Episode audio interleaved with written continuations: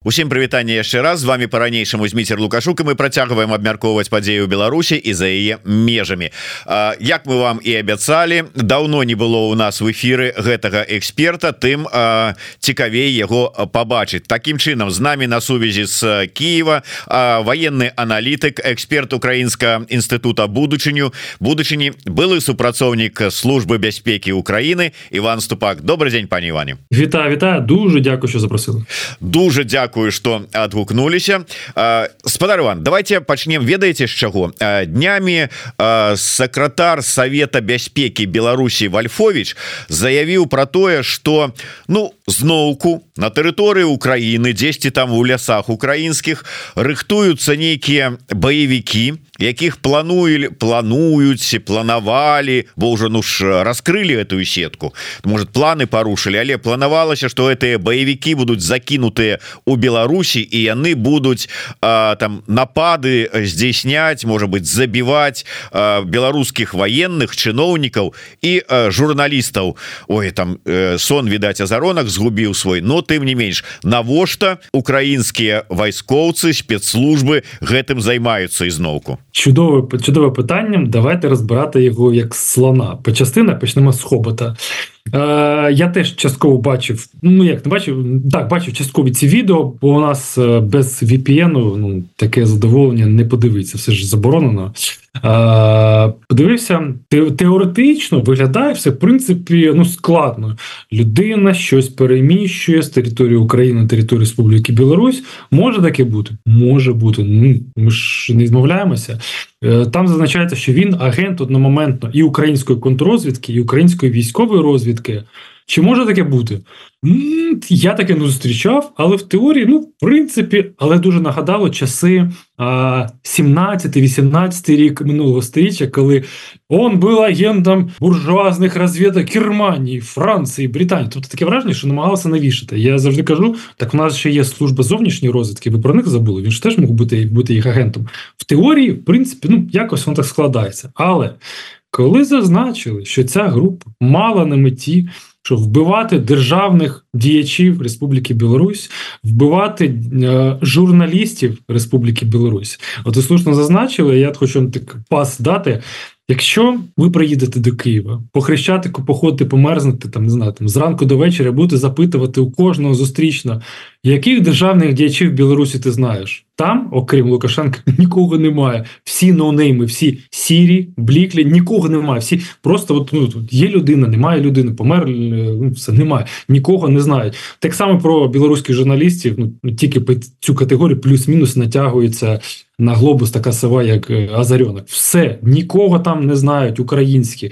Вони нам не цікаві взагалі. Навіть якщо прибрати цю ось таку метафору, окей, який сенс українській владі починати розводити ситуацію в Білорусі? Зараз вона стабілізувалася. Обстрілів з території Білорусі немає. Немає російських військових на території РБ немає, які можуть становити для нас загрозу. Ні, білоруський гайон нагадував те десь дві тисячі військових російських там. Ну наше нам це робити? Ми можемо позбутися західної допомоги, якщо там ми спробуємо щось це робити. Це ж ну незалежна суверенна країна з усіма ознаками. Ми не можемо нападати у випадку нападу на нас. Так, одномоментно будуть зруйновані Мозерське НПЗ, аеродром в Лунінцях, Брестські підприємства. Ну у відповідь самостійно ні про жодну агресію від нас не йдеться.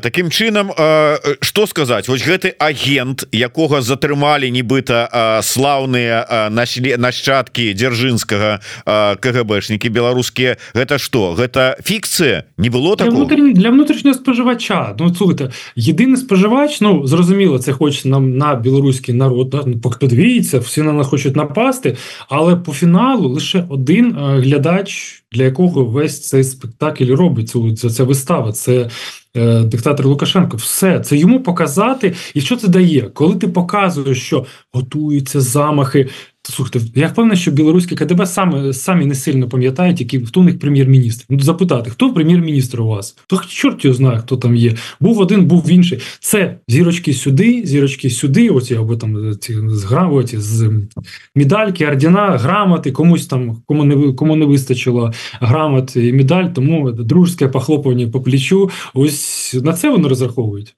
Але все ж таки, спадар Іван, як чоловік, який працював у службе бяспеки Украины Ну прынцыпе такі чалавек які ведае як працуюць вот это ўсе службы. Ну я разумею что зараз война зараз найперш трэба там Россию там шпіёны агенты туды. Але ну спецслужбы наколькі я разумею нават у такія часы яны не павінны пакідаць па-за сваёй увагай іншыя краіны іншыя накірункі. Тому ну тое что у Беларусі ну павінны быць нейкіе там ну як это это у нас разведчики а у іх шпіёны А вот ну то есть люди которые здабываюць інфармацыю Ну не можешь такого быть каб не было. Все ж таки сус мало того что сусед так яшчэ і сусед который такую а, ну подставу зрабіў ворагу дапамог суагрэсар Ну что тут говорить? Так, так абсолютно видно что суагрэсар у выпадку якщо фантазуємо собі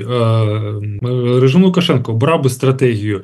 Ні ні ні ми не допомагаємо Росії ви там самі розбираєтеся то це була б одна історія так він надав дійсно свою територію повністю своє сприяння годував російських військових загарбників, лікував. До речі, після того я нагадаю вашим глядачам, хто забув, що російські військові увага копали траншеї в рудому лісі в Чорнобилі. Копали траншеї, рудий ліс. Він не рудий не тому, що він такий завжди був, а саме через те, що а, там не можна знаходитися. На нього дивитися небезпечно. Фахівці казали, 24 тисячі років там не можна нічого буде робити. Це не іноземні італійці приїжджали, досліди робили. А російські військові там копали траншеї. Потім вони лікувалися у білоруських е, лікувальних закладах, тобто він надавав сприяння. Тому, е, надаючи от відповідь на ваше питання, так наші очі там є. Наскільки це можливо? Ми повинні враховувати завжди ситуацію, що може повторитися вторгнення, повинні бути готові чи побачити, чи є скупчення техніки, чи є скупчення боєприпасів, чи є е, люди, як це було в минулому році. Вагнерівці, коли там збиралися, до 10 тисяч військових е, вагнерівців від ПВК Вагнер намагалися там залишити. Повинні це аналізувати. Плюс нам допомагають дійсно патріотично налаштовані білоруси, які або знаходяться там, або поза е, Білорусі. Вони там можуть допомагати. Бачили переміщення техніки, фіксують якісь настрої в білоруській армії. Знову там російська техніка, білоруська техніка, що там з боєприпасами, і звісно, допомагає технічна розвідка, супутникова розвідка. Тобто постійно очі тримаються на цій території. Ну безумовно, та зрозуміло, що немагчыма так быць. Але скажите все ж таки, якім чынам і хто СБУ ГУР ці служба знешняй разведкі змаглі дамовіцца с кім там? С вайсковымі ці с лукашэнкам напрамую каб беспілотнікі праз беларускую тэрыторыю пропускалі праз сябе на Пітер Ну як же ж ну праз Беларусь усе маршруты. Цікава історія. Якщо вона дійсно підтвердиться то у режиму Лукашенка буде ще один великий головний біль можливо, не можливо, такий же великий, як і пам'ятаєте, коли на в Мачуліщах пошкодили літак А-50, е, коли він стояв на паркувальному майданчику, на нього зверху скинули вибухівку. Не знаю, скільки ця антенна була пошкоджена, але для росіян це було. Край неприємно, і тоді тоді був наганяй, як так, як була організована робота. Е, думаю, що тут, якщо підтвердиться, що все ж таки через територію Республіки Білорусь пролітали безпілотники, будуть певні організаційні висновки, якісь і будуть можливо звільнення. Але питання яке? Ну немає систем протиповітряної оборони, які можуть повністю прикрити е, цю територію. Дивіться, безпілотник він це ну там півтора-два метри в розмаху да, цих крил. Він доволі малий, ну від, ну, відносно там великих ракет. Він повільний, дуже повільний. Скільки 300 км на годину може летіти, можливо, навіть менше 200 і його не можуть збити ці ракети, ракетні комплекси Тор, С-300, С-400 можуть панцирі, але панцирів мало на всіх не вистачає. Частина знаходиться в Україні, частина знищена в Україні, частина пошкоджена в Україні, частина знаходиться в Москві на Фрунзенській набережній, там де Міноборони, на на будівлі, на будівлі е, МЗС російського, на Валдаї, на Рубльовському шосе в Москві. І тому для захисту всіх е, локацій просто не вистачає цих комплексів. І навіть навіть самі російські пабліки писали, що ну на рівні да, так, візьмемо це така непідтверджена інформація. кажуть, ми три години спостерігали, як летять ці об'єкти, але нічого з ними зробити не могли. але ўсё ж таки калі быў першы залёт на Піцер показалі потым украінскія паблікі маршрут Ну і нібыта вот з самага там краю усхода Украіны праз расійскую тэрыторыю і туды уже на на Піцер А калі быў удар по услугу то чамусьці показалі наўпрост праз Беларусь Мачыма такое ввогуле ці не може бути але ж ну ще раз на пабліки на не пабліки вони ну, вони рисують що їм здається ну ніхто ж не знає наскільки е, дійсно був е, таким вітіюватим маршрут наскільки часто цей безпілотник або е, ну, пригальмовувався, десь занижався, бо там є ліси, є ріки. Над річка можна нижче летіти. Ліси треба підніматися вище, якась там забудова, якісь лінії електропередач. Треба летіти. Шукали місця, де лінії, де ці протиповітряна оборона не є е, там такою постійною, десь там ну, невеличкі відхилення можна робити між них пролітати, між крапель води. Тобто це серйозна робота. Я думаю, що росіяни теж будуть намагатися вдосконалитися, доведеться шукати нові повітряні шляхи. Але головне, що є, тобто цей удар по услузі був дуже болючим. Окрім того, що це гроші, це товар, який не проданий, це е, знову гроші в ремонт цієї установки. А вона е, фахівці кажуть, мільйони доларів коштує. Тут навіть справа не в мільйонах. Вона поштучний товар. Вона не просто так і не можна на ринку замовити, особливо в санкціях. Ну і це ж олігархи Леонід Міхельсон і Єнадій Тімченка на прізвиська Гангрена. Найближче оточення Путіна це їх власність. Але нават калі ён там как бы не наўпрост праз тэрыторыю Беларусі але там ну побач з беларускай расійскай мяжой пролетаў ты беспілотнік. І як вот вы кажаце что вельмі мало а, таких ну скажем так СП якія могли бы іх збіць а, то а, можа гэта беспілотнік вот ляцець умоўно кажучы у бок Пітера а потом свернуть і залететь на дразды? Ні я думаю ні. Дивіться поясню чому нам не потрібно ну, нашій владі, і президент Зеленський він, хоч ну його задовільняє зараз та ситуація, яка є з Білорусь Республіку Білорусь, що немає нового фронту з цієї сторони. Так, ми пам'ятаємо ще раз режим Лукашенка, що він зробив, як це зробив. Це ніхто не забув, але у нас досить велика кількість гарячих точок по всій лінії фронту, і нам не потрібна ще одна. Тобто залістати на дрозди.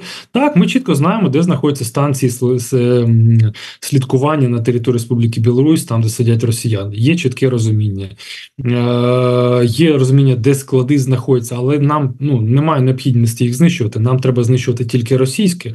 Коли вони будуть забирати з Білорусі до Росії, там будемо знищувати. Республіка Білорусь поки що не доторкана, але поки що, поки сам народ не візьметься до справи і не зробить так, як йому потрібно, як він бажає але от было пытанне ад наша гледача под нікам Макссім які пытаўся про тое что ўсё ж таки удар по тым же самым нафтаперапрацоўчым этом ці не перапрацоўчым за ну карацей кажучы по, по тым аб'ектам у тым же Піцеры ці на Господі у бранску ці ў іншых. Гэта найперш ну апроч так может быть псіхалагічнага удара это удар по забеспечению российской армии палевом каб не было было чым танки БТРы і самолеты запраўляць вядома что ўсё ж таки і беларуская інфраструктура тыя ж самыя НПЗ працуюць на расійскую армію. Калі ўжо ўзялі рабіць усё каб не было чым запраўляць тыя расійскія танки так і беларуская інфраструктура под гэта трапляе? Потрапляе але ще раз це суверенна країна з тим режимом який є але ще раз ми не можемо дозволити собі створити ще одну точку напругу на нашій мапі. Ну, це буде важко людськими ресурсами технічними. Ми і так важко стримуємо російське просування на сході бо вони реально бруть як е, хотів нецензурно сказатися, пруть. Реально пруть, вони йдуть на своїх двох на штурми, навіть не пригибаючись, не нагибаючись, вони просто йдуть. А, Тобто ну, там зусилля ми витрачаємо велике. Ви кажете про НПЗ, але от давайте згадаємо ще Афіпське НПЗ, Краснодарський край це 400 кілометрів через лінію розмежування, через окуповані території. Безпілотник прилетів і знищив велику кількість палива. Там авіаційний керосин був для забезпечення російської авіації. От такі речі будуть відбуватися і далі. Ті НПЗ, які знаходяться в зоні ураження, будуть вражатися. Плюс а, військові об'єкти, виключно військові бази, штаби, склади. Ну зрозуміло, це все, що там носиться зелена форма, там буде вилучатися. плюс квазі військові об'єкти, напіввійськові. З першого погляду вони цивільні, але по факту роблять на ВПК. Це наукові конструкторські дослідні якісь е, інституції, установи, які е, роблять, наприклад, якісь там плати, е, підшипники, мікроелектроніку, напівпровідники для ВПК, які роблять е, схеми, наприклад, до, до, господі, до ланцетів або викрийку для ланцетів для цих безпілотників, е, для іскандерів, там для там, господи, що там для кінжалів. Оці всі об'єкти будуть нашими пріоритетними цілями. Плюс окремо люди, які є драйверами цих програм, які от згадайте по аналогії з Ізраїлем. Ізраїль знищував провідних науковців іранської ядерної програми. Я думаю, що ми про це теж почуємо, але вже на території Рефі.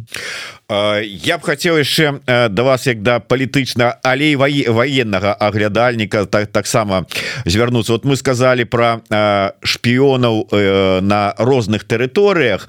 Зараз я гляжу в Европе нарастаюць такія ну з'яўляюцца палітыкі. Той же самы ладно ўжо прывыклі да Венгрыі але вот Словения Словакія дакладней Словакія фіца. І вот гэтыя іх наратывы про тое что трэба як там прогучала трэба Украіне адмовіцца ад часткі сваёй тэрыторыі дзеля того каб замірыцца с Путиным і увогуле А ну да вы ж увогуле там у вас ствараецца зараз акупацыйная адміністрацыя ЗША это ўсё такое гэта праца агентуры крымлёўскай у Еўропе вот як вы ацэньваеце это це може бути гроші бо великі гроші на жаль ніхто не відміняв і деякі країни особливо маленькі з маленькою економікою вони можуть отримати. Ну давайте так, працює російська дипломатія, працює механізм підкупу, як дипломатичного, так і фінансового. Ви ось так. А ми ось, наприклад, вам великий дисконт на газ, і ваша економіка буде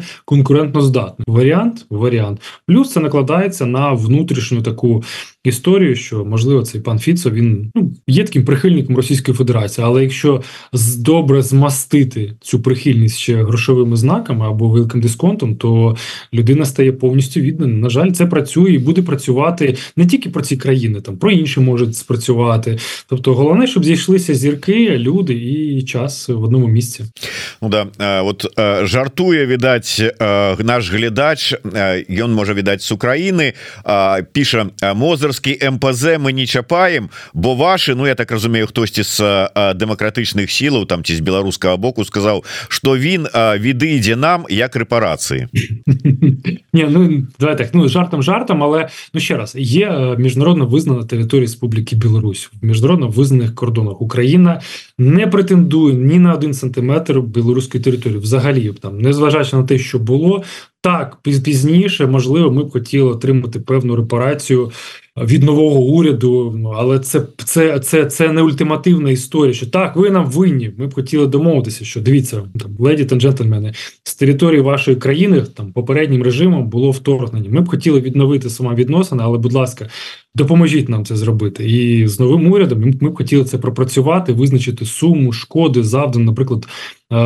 Там скільки було обстрілів, скільки ракет, да, там, наприклад, там 100 ракет було, вони завдали шкоду на таку-то суму. Окупація Київської області, відновлення було на таку-то суму, бо з під території Білорусі заходили. Будь ласка, ми б хотіли, наприклад, отримати в якості компенсації умовно там не знаю, 10 тисяч там метричних тонн там палива виготовлено на Мозинському ТПЗ в рахунок оплат. Домовилися по руках, все наступного дня, як розрахувалися, зняли мінні укріплення, зняли ці загородження. Я до речі, скажімо так, я минулого разу казав і нагадаю зараз.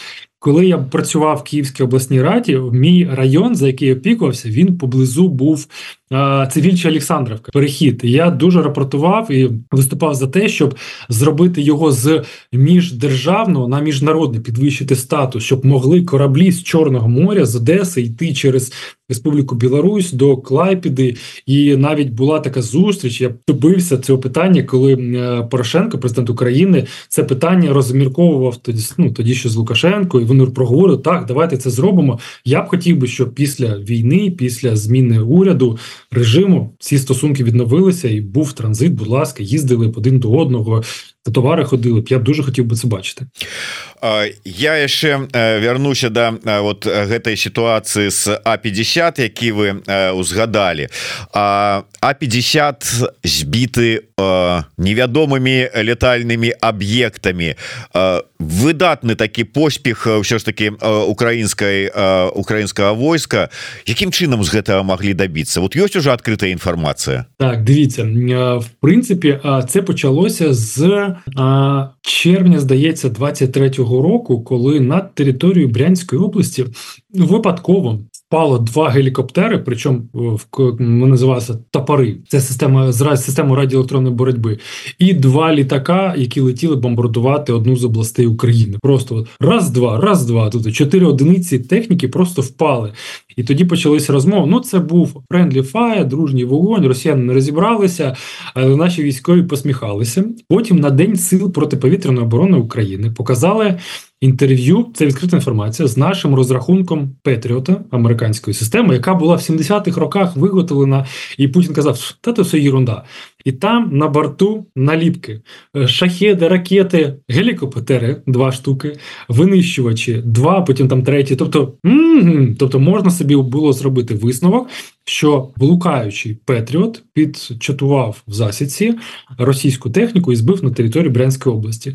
Потім, в грудні 23-го року, 5, 22 грудня, 5 штук, 5 авіаційних суден було збито над е, Херсонською областю та Чорним морем. Просто вони впали. І росіяни тоді обурювалися подлим ударом в спину ну, нашому мирному істребителю, який летів бомбардувати Одесу, збили українці.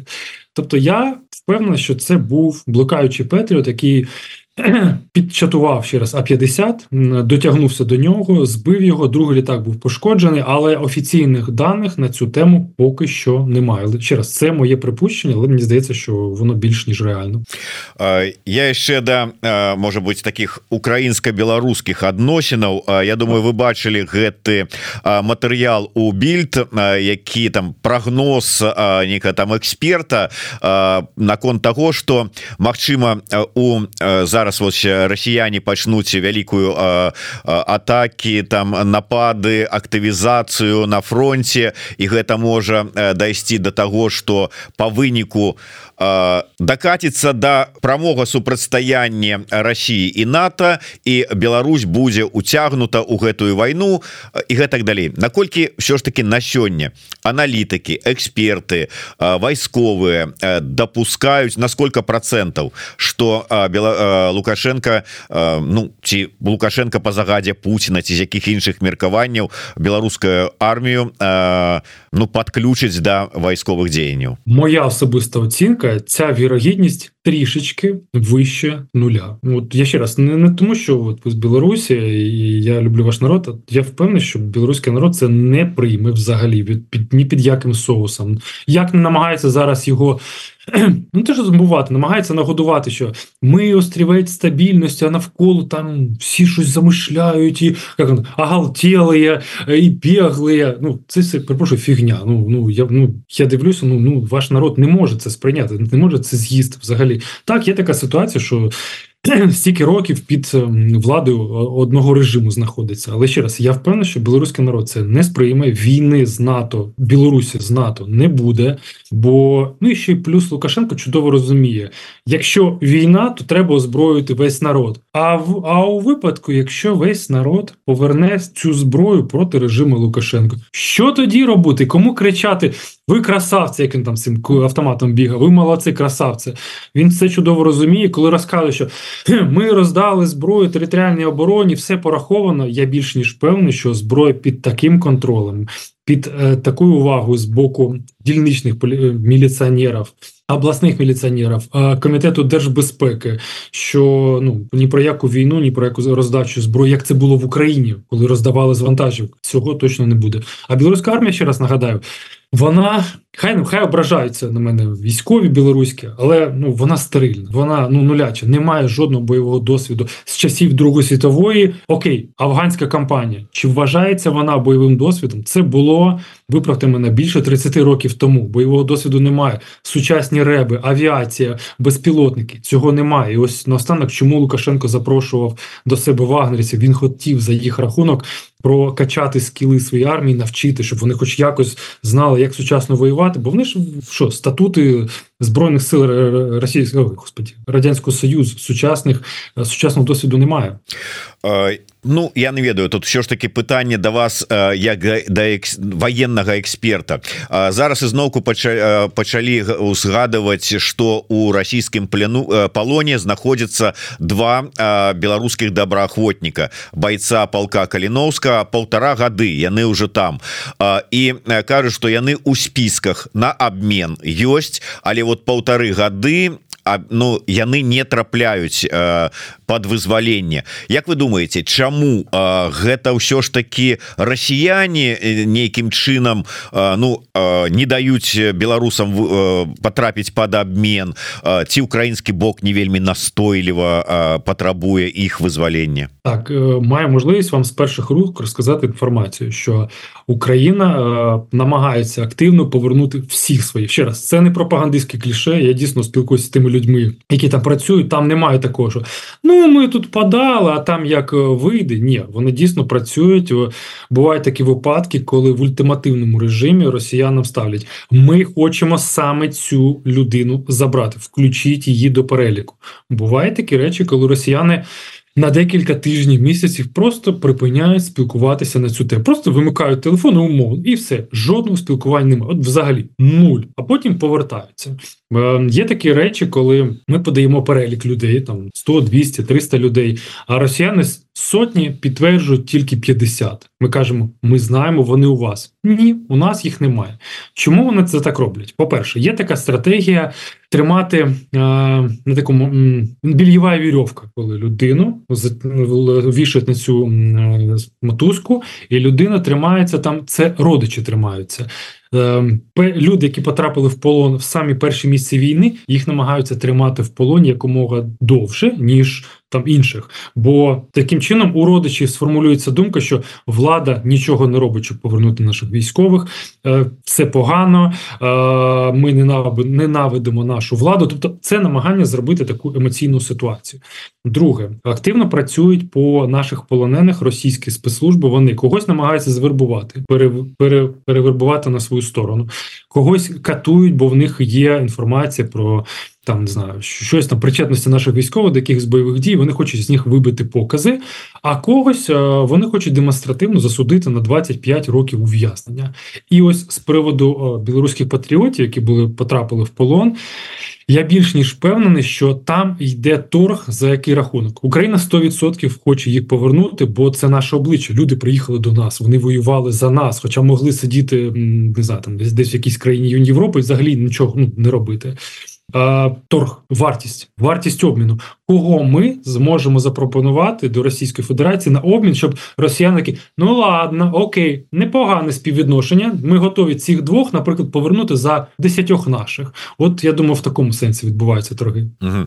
А, Тому що ось учора а, тут у Варшаві а, був кіраўнік полка Каліновського Денис Кіт, і ён адказваючы на вось гэтае пытанне сказаў, што мы вельмі спадзяемся ўзяць у палон клон якога-нибудь ну такого тлустага да, расіяніна за якога можна вайскоўца за якога можна как бы выменяць А гэта яно сапраўды так працуе. Ну все ж таки э, пол каліновска гэта не просто там вот пол каліновска які сам по сабе пол каліновска. Ён падпарадковваецца генштабу гуртам так. кому. І то есть узялі палоннага. Гэта не мой палонны. Гэта палонны у обменным ну, фонде я раз я разумею питання ваше але дивіться е, воно спрацює тобто дивіться росіяни дуже активно от в перші місці війни коли потрапляли до нас в полон російські пілоти вони їх міняли готові от одразу готові наскільки на 10 на 15 російські священники взагалі, от це, ну, це, це, це був такий товар. Е, у нас є священник російський, росіяни готові видавати кого завгодно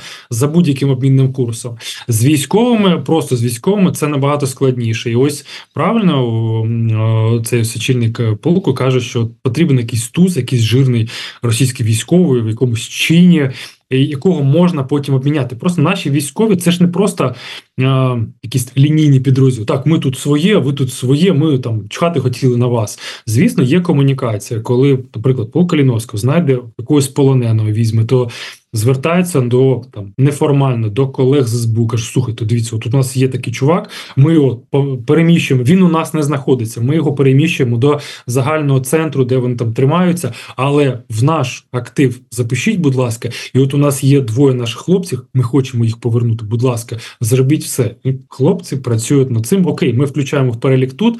Вимагаємо, щоб включили в перелік двох ваших хлопців там і працюємо. Є, от, на жаль, от ми чекали, наприклад, мої родичі незнайомі чекали повернення людини, але в останній момент його зі списку росіян викреслили. Просто так, от просто викреслили. От і все. То це перемовина, це війна. І яшчэ одно пытанне звязанное з беларускімі добраахвотнікамі Ну просто вот мы вы можа як чалавек які разбіраецеся і ва ўнутранай украінскай палітыцы Ну і ввогуле як працуюць розныя там дзярж установы украінскія з'явілася інфармацыя что тым беларускім добраахвотнікам якія ну ўжо звольніліся з ЗСУ сышлі з палка каліновска яны трапляюць у вельмі непрыемную сітуацыю с аднаго боку ім не даюць ВНЖ ва ўкраіне. З другога боку яны не могуць і паехаць і попрасіць нейкага прытулку у, у літве той же самой бо маўляў яны з'ехалі до два -го года поехали умоўна воевать ці просто поехали воевать няма ніякага там пераследу з боку лукашэнкаўскага режима там і гэтак далей. І маўляў А что ты до нас прыйшоў? За что тебе будем даваць прытулак? І вот такая ситуация гэта все ж таки вот ваша оценка это разовые э, такие ситуации ці это все ж таки ну нейкая такая палітыка Укра Киева Ну давай так я не хочу нікого вигрожувати але є на жаль у нас бюрократія Ну на жаль от є є є люди які там знаходяться на певних позиціях і вони сидять в якихось кабінетах теплих кріслах і вони чхати хотіли на там те, що відбувається, так людина відвоювала, вона більш ніж заслужила цей статус, але є ще певна процедура до цього складна. Я б хотів би дійсно бачити з боку нашої держави більше уваги до цих людей, більше поваги, більше пошани і можливо прискорення певних процедурних моментів. Можливо, щось можна обійти стороною. Не знаю, там ну не можу сказати, що саме можна десь там відкрити очі на це в правому порядку. Маю на увазі це відмінити, це скасувати. Багато є старих наказів там які працюють вже там 15-20 років, вони морально, фізично застарілі, але є правила, є наказ. Тому над цим треба працювати. І дійсно, я ну я дуже шкодую, що з вашими хлопці, хлопцями, які воюють за Україну, от така біда відбувається. Ёсць інфармація, що нібито при там офісі кіраўніка президента України буде такі прадстаўнік там ці скажем як это той чалавек які будзе займацца беларускімі пытаннямі гэта вырашыць вот дапаможа вырашаць такія сітуацыі і так. А ёсць інфармацыя калі ўжо ён ты з'явіцца з'явіцца гэты прадстаўнік Якщо це з'явиться, якщо там буде дійсно людина сидіти, яка цим питанням ну їй болить, не просто що мене призначили, я в мене є зарплата, в мене є там що ще є, машина, Волга є. А а саме буде турбуватися, то це дійсно буде працювати. Бо на даний час офіс президента це центр ухвалення рішень. Тобто, ну зараз дійсно військовий стан, багато демократичних інституцій в силу військового стану вони обмежені. І якщо в офісі президента буде така людина, і в нього вона буде не номінальна, в нього буде певний штат, буде певний певна свобода дій, то він впевнений зробить багато чого для білоруських добровольців. А якщо він буде ще й наділений повноваженням стосовно інших добровольців, то і там теж відпрацює і зможе там певні бюрократичні процедури перепони порозбивати. Це це дійсно буде класно. Ну але ще раз, ну це політика. На жаль, держава в будь-якій країні вона це велика бюрократична махіна, яку надзвичайно складно розвернути в один великий короткий проміжок часу. Палітичне питання яшчэ одно може бути оно не по вашей специфіки, але просто ваш ваше меркаванне люблінскі трохкутнік ёсць такое меркаванне что в прынцыпе ва, варта было б далучыць да вот гэтага люблінскага трохкутніка то есть кіраўнікоў Украіны літвы і Польши яшчэ і прадстаўніка беларускіх дэмакратычных сілаў Як вы лічыце па патрэбна ці не патрэбна ці пакуль што не той узровень вот калі ўжо вернем сабе краіну тады а па цяпер Ну тут питання більше практичності тобто окей з точки зору політики так це було б дійсно правильно але а чим чим е, може допомогти е, наприклад наприклад знаю, представник е, білоруської опозиції в екзилі тільки е, співчуттям ну цього мало Окей, слишком много для ТОСа і мало для Рафа Деляфера ну практична сторона вона маленька ну, давайте прямо казати так коли ва- ваш народ ви самі зміните ту владу станете там не знаю оберете тих кого захочете то звісно тоді вже і буде і практична робота і практична співпраця я б дуже хотів би щоб цей неприємний момент